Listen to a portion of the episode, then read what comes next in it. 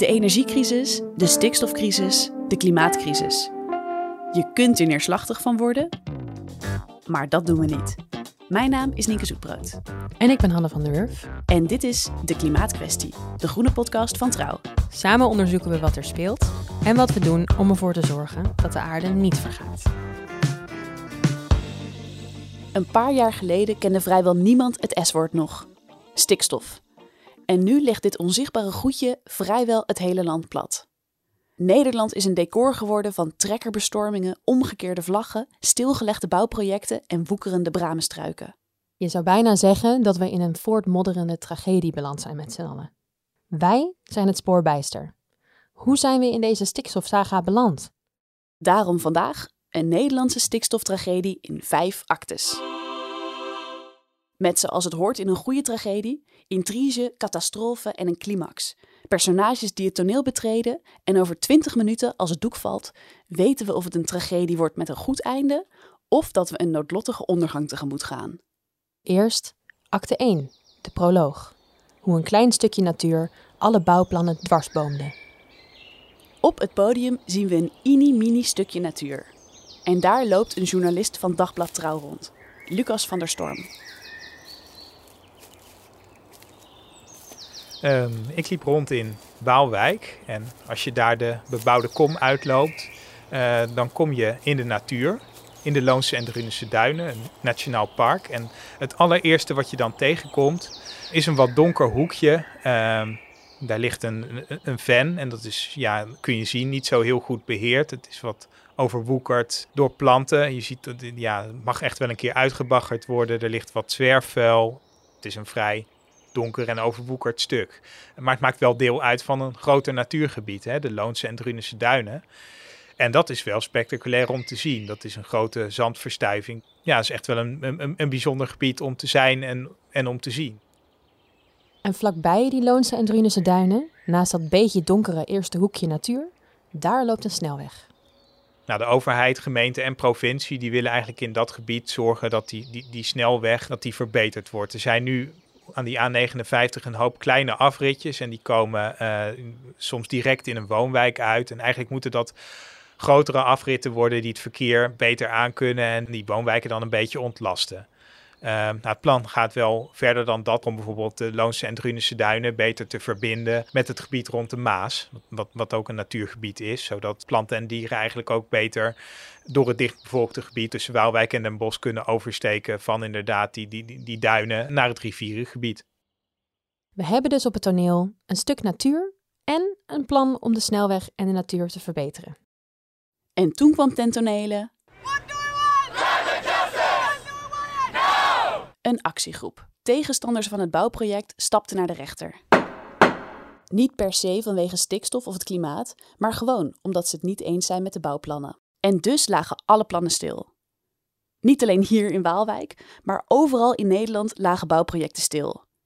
En hoe dat komt, daarvoor razen we door naar acte 2. Acte 2. De intrige.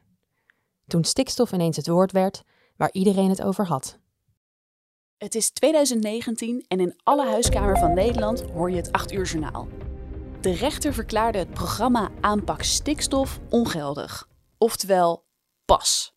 Kunnen we daar even iets voor bedenken? Ja, ja, ja. Um, uh, de pas. Wat was de pas? De pas was een slim trucje waarmee de overheid zich op papier aan de regels hield om de natuur te beschermen. Als gemeentes en provincies, zeg, een nieuwe woonwijk willen bouwen of een snelweg, moeten ze zich aan allerlei regeltjes houden. Bijvoorbeeld dat de natuur er niet onder leidt. Dus moeten ze precies berekenen hoeveel stikstof er vrijkomt bij de bouw, want stikstof is slecht voor de natuur. En waarom dat zo is, dat komt straks. Maar en nu komt dat slimme trucje van de overheid. Ze mochten minder stikstof opgeven, omdat ze ervan uitgingen dat ze in de toekomst slimme dingen zouden bedenken, waardoor de stikstof op magische wijze weer zou verdwijnen. Snap je hem nog? De rechter dus ook niet. En dus zei de rechter in 2019: dat mag niet.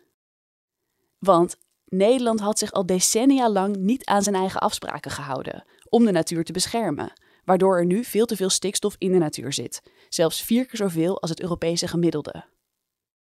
En nu horen we je denken: Wat is stikstof dan eigenlijk en waarom is het dan zo slecht?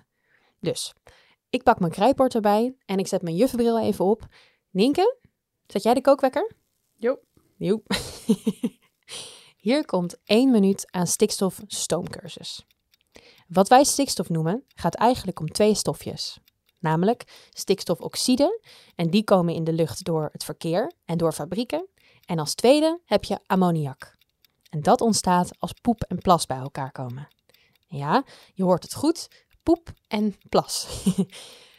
Bijvoorbeeld door koeien of varkens. Dus hebben we het over stikstof, dan hebben we het eigenlijk over stikstofoxide en ammoniak. En wat is nou het probleem met deze twee stofjes? Als er te veel stikstof in de natuur terechtkomt, dan is dat slecht. Sommige planten gaan namelijk heel erg goed op stikstof, zoals brandnetels en bramen, en de andere, zoals heide- en duingebieden, die juist niet. En toevallig bestaan veel Nederlandse beschermde natuurgebieden uit heide en duinen, zoals de Loonse en Drunense duinen in Brabant. Decennia lang is er te veel stikstof uitgestoten, wat dus slecht is voor de natuur. Die uitstoot die moest omlaag. En dat lukte ook, tot het slimme trucje van de overheid. Daardoor bleef er te veel stikstof in de natuur komen. En dus greep de rechter in. De overheid mocht geen vergunningen meer uitgeven voor nieuwbouwprojecten. En overal in Nederland liepen bouwputten leeg en werden bruggen half in aanleg verlaten, waardoor Nederland een spookland werd waar niks meer gebeurt. Dat is misschien een beetje overdreven. Oké, oké, maar elke keer als iemand naar de rechter stapt omdat ze het niet eens zijn met bouwplannen. Zoals milieugroepen nogal eens doen de laatste jaren, dan kan een rechter een streep zetten door de plannen. Als in de natuur vlakbij dat bouwproject te veel stikstof terechtkomt. En dat gebeurt nogal eens. Snelwegen, bruggen, hele nieuwbouwwijken. Plotseling is het onzeker of die nog wel gebouwd kunnen worden. En dat is precies wat er ook gebeurde in het natuurgebied bij Waalwijk. Kortom, de overheid zit met de handen in het haar. Maar los van een paar journaaluitzendingen waarin het woord stikstof valt, merken de meeste mensen hier in hun huiskamers nog vrij weinig van. Maar dat verandert al snel wanneer een aantal boeren hun trekkers uit de schuur halen. Want dan barst alles los. Acte 3. De climax. Hoe de boeren de druk opvoeren en dit verhaal een onvermijdelijke weg inslaat. Welkom hier op de A67 bij Liesel, de snelweg richting Venlo. Hij is zojuist een kwartiertje geleden door de boeren volledig geblokkeerd. Hier gaat nu iets gebeuren. Ze gaan de snelweg verder blokkeren. Ze hebben hier hun tractoren stilgezet. Maar de actie gaat verder hier op de A67. Waarom blokkeren boeren de snelwegen en wat heeft stikstof precies met de boeren te maken? 46% van de stikstof in Nederland komt daar vandaan, bij de landbouw. En dat zit zo. Weet je nog, onze stoomcursus stikstof die je net vertelde? Dat we met stikstof onder andere het hebben over ammoniak, wat vrijkomt als poep en plas bij elkaar komen. Dat gebeurt heel vaak juist in een koeienstal of een varkensstal. En toevallig heeft Nederland daarvan heel veel. Volgens cijfers van de Europese Unie had Nederland het meeste vee per hectare landbouwgrond van heel Europa. En dus zijn de ogen vrijwel meteen gericht op de boeren. En ook die van het kabinet, dat een plan verzint. Een aanbod dat de boeren eigenlijk niet kunnen weigeren. 2000 tot 3000 boerenbedrijven bij natuurgebieden krijgen een eenmalig aanbod om te stoppen. En uiteindelijk kan er ook met dwang uitgekocht worden. Vorig jaar bedacht de huidige minister voor Stikstof dat specifieke boeren op specifieke plekken stoppen met boeren. En dat zijn met een mooi woord de zogeheten piekbelasters. Dat zijn de grote stikstofuitstoters vlakbij natuurgebieden. En welke boer precies een piekbelaster is, dat heeft alles te maken met hoe stikstof wordt gemeten. Ik zet mijn juffenbril weer op. Heb jij die kookwekker nog uh, paraat? Ja, hier. Hou je vast. De 40 seconden gaan nu in. We meten namelijk niet hoeveel stikstof er in de lucht zit, maar hoeveel er op de grond neerkomt. Want dat is waar het zo'n schadelijk effect heeft op de natuur. Dus wil je heel snel minder stikstof, heb je het meeste effect als de boeren die dicht bij de beschermde natuur zitten, als die worden uitgekocht. Of boeren die verder weg zitten, maar wel heel veel impact op de natuur hebben, omdat ze bijvoorbeeld heel groot zijn. De piekbelasters dus. De overheid wil piekbelasters vrijwillig laten stoppen, om de natuur weer te laten herstellen, maar ook om stikstofruimte te krijgen, zodat er bijvoorbeeld weer gebouwd kan worden. En om dat uit te leggen hebben we nog een laatste kookwekker nodig. En zet je schrap, dit wordt een iets langere, maar dit is wel precies waar het om draait. Zoals we zeiden wordt stikstof op de grond gemeten, maar dan op een heel specifieke manier. Per hectare, dus per 100 bij 100 meter. Dat is net iets meer dan een voetbalveld. Dus je moet het je zo voorstellen. Op iedere hectare van Nederland staat een emmertje met stikstof. En daar mag sinds de uitspraak van de rechter in 2019 geen druppel meer bij.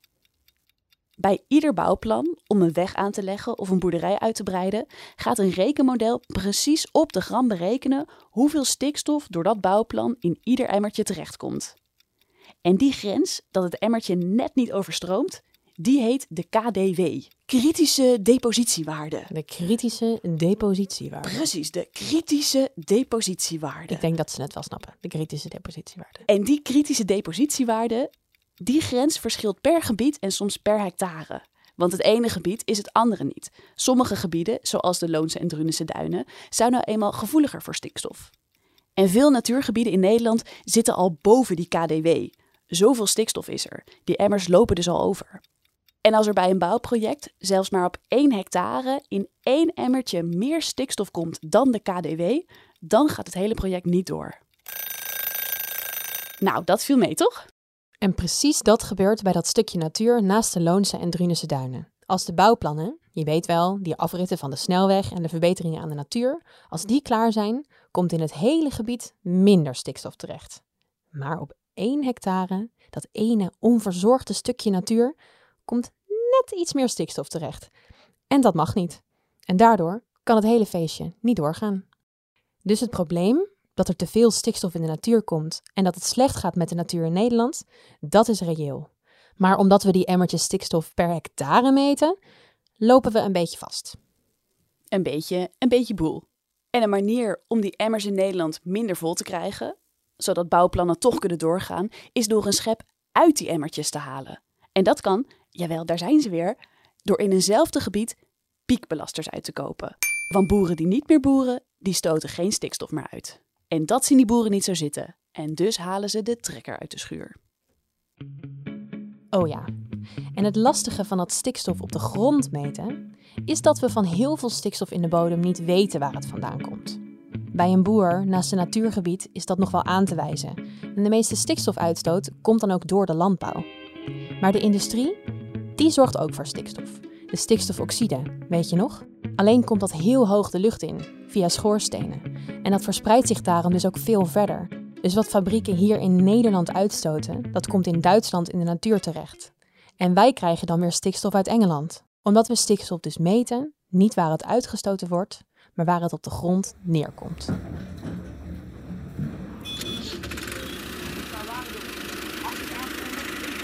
En dus staan we nu hier, op de A67 richting Venlo.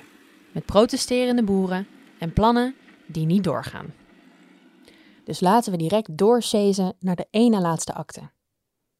Acte 4. De catastrofe. Kwam deze tragedie als een donderslag bij heldere hemel, of hadden we het toch kunnen zien aankomen? Daarvoor gaan we terug naar 2011, Den Haag.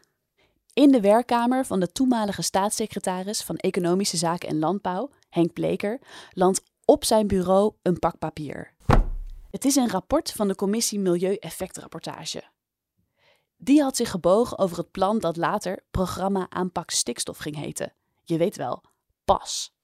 Dat rapport waarschuwt, het plan van het kabinet kan waarschijnlijk helemaal niet, omdat het in strijd is met de Europese regels om de natuur te beschermen.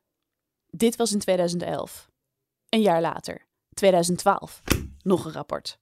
Met een vernietigende boodschap. Het programma aanpak stikstof kan juridisch helemaal niet. Pas op, zegt de Milieucommissie. Alle bouwvergunningen die je uitgeeft, daar kan de rechter zo een streep door zetten. Pas op, zeggen ook de Raad van State en een commissie die gaat over de verbetering van de infrastructuur. We wisten dus al lang dat pas helemaal niet zou gaan werken. En toch ging het in 2015 gewoon in, terwijl het zorgwekkende analyses en rapporten bleef regenen. En wat al die rapporten zeiden, Dat gebeurde dus ook. Toen de rechter in 2019 zei: dit mag helemaal niet. En je zou zeggen, als er zoveel kritiek was, waarom werd PAS dan toch ingevoerd? En daarvoor gaan we nog verder terug, naar 2009.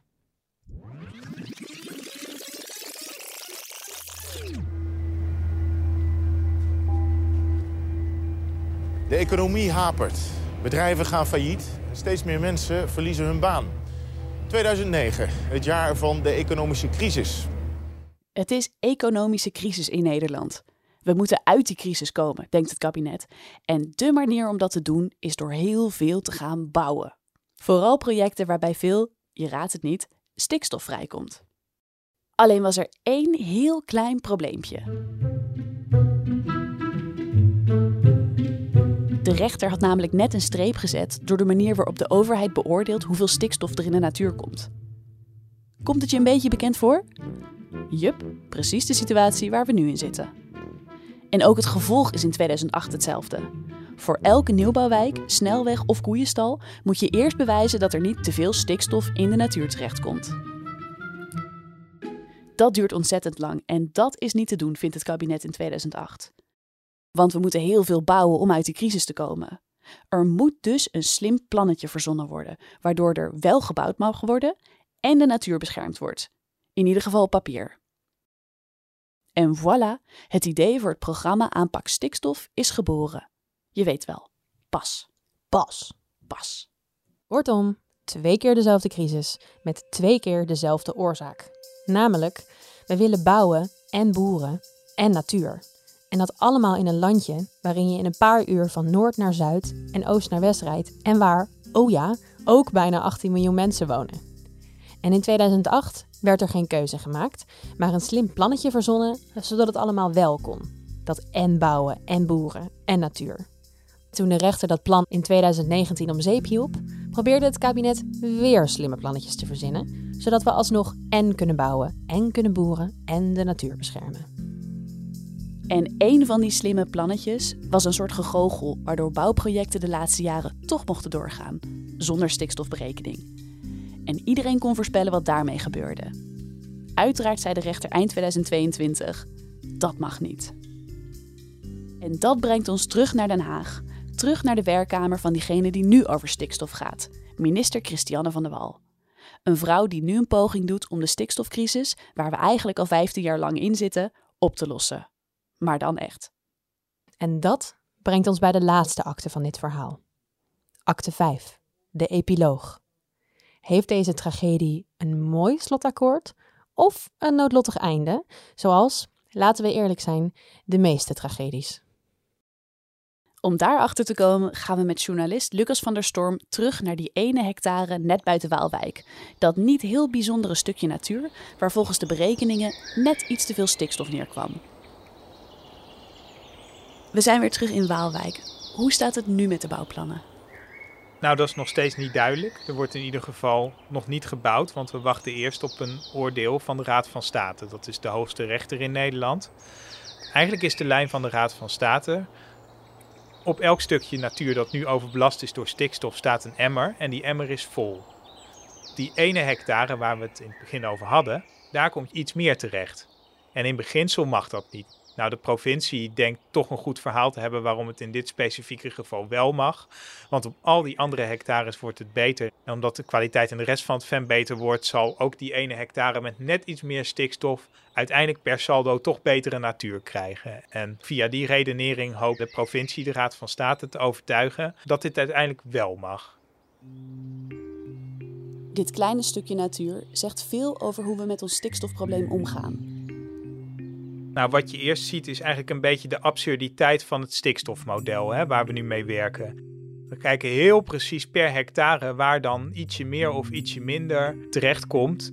Het is zo'n piepklein beetje dat je eigenlijk niet echt kan zeggen van dat komt aanwijsbaar door, door dat project. Dat stikstofmodel is zo fijnmazig dat het heel veel ontwikkelingen dus ook in de weg zit. Maar daar is wel een goede reden voor natuurlijk, want er komt veel te veel stikstof in de natuur in zijn totaliteit. Alleen we beoordelen dat dus heel erg op de vierkante millimeter op basis van wat waar precies neerkomt, terwijl we dat juist niet helemaal zeker weten.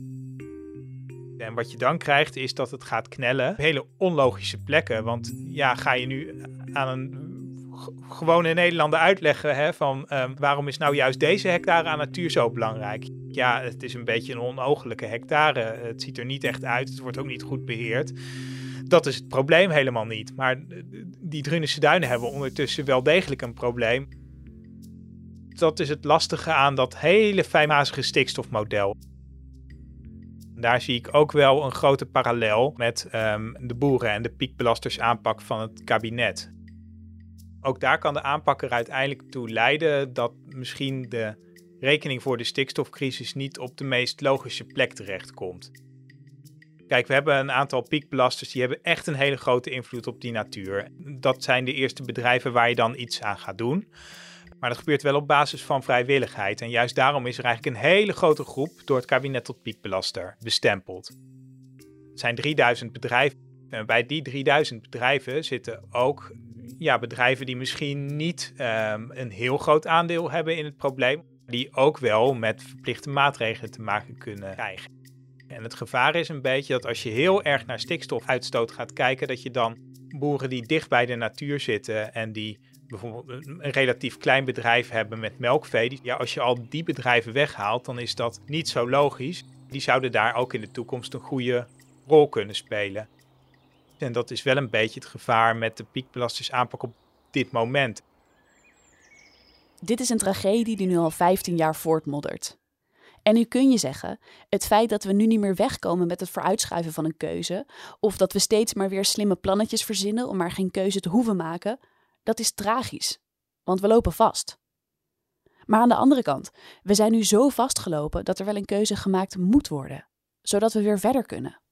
Ik vind het wel heel leuk hoe je dit zo positief probeert af te sluiten. Ik doe mijn best.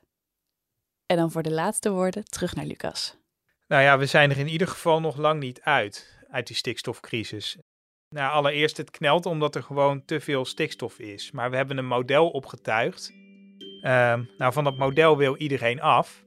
Iedereen wil breder kijken naar hoe de natuur eraan toe is en meer naar uitstoot kijken ook en niet naar wat nou precies waar neerkomt. Dus we moeten naar een ander systeem. Maar dat kan pas als je eerst in ieder geval het juridische probleem zodanig oplost dat er heel erg duidelijk is dat er een dalende stikstoflijn is en dat er veel minder stikstof in de natuur terechtkomt. Als je eerst een hele grote schep uit die emmer neemt bijvoorbeeld met de piekbelasters aanpak is eigenlijk pas de eerste echt grote operatie om een flinke schep uit die emmer te nemen. En pas dan komt er eigenlijk wel ruimte om naar een ander systeem te kijken. Maar het nemen van die grote schep ligt zo gevoelig dat dat dus eigenlijk niet goed lukt. We zijn er al vier jaar mee bezig. Er staat nog een enorme olifant in de kamer. En zolang die olifant in de kamer staat, um, ja, kom je eigenlijk niet echt aan de fundamentele vragen toe die er spelen. Van wat voor landbouw willen we nou eigenlijk in Nederland? En hoe gaan we die natuur nou echt goed beschermen? Het hangt allemaal op eigenlijk een juridisch gedrocht dat we met z'n allen bedacht hebben. En een gegeven dat er nou eenmaal gewoon te veel stikstof in die natuur terechtkomt. En ja, de enige manier om van het juridische tocht af te komen is minder stikstof en, en een ander systeem eh, in die volgorde.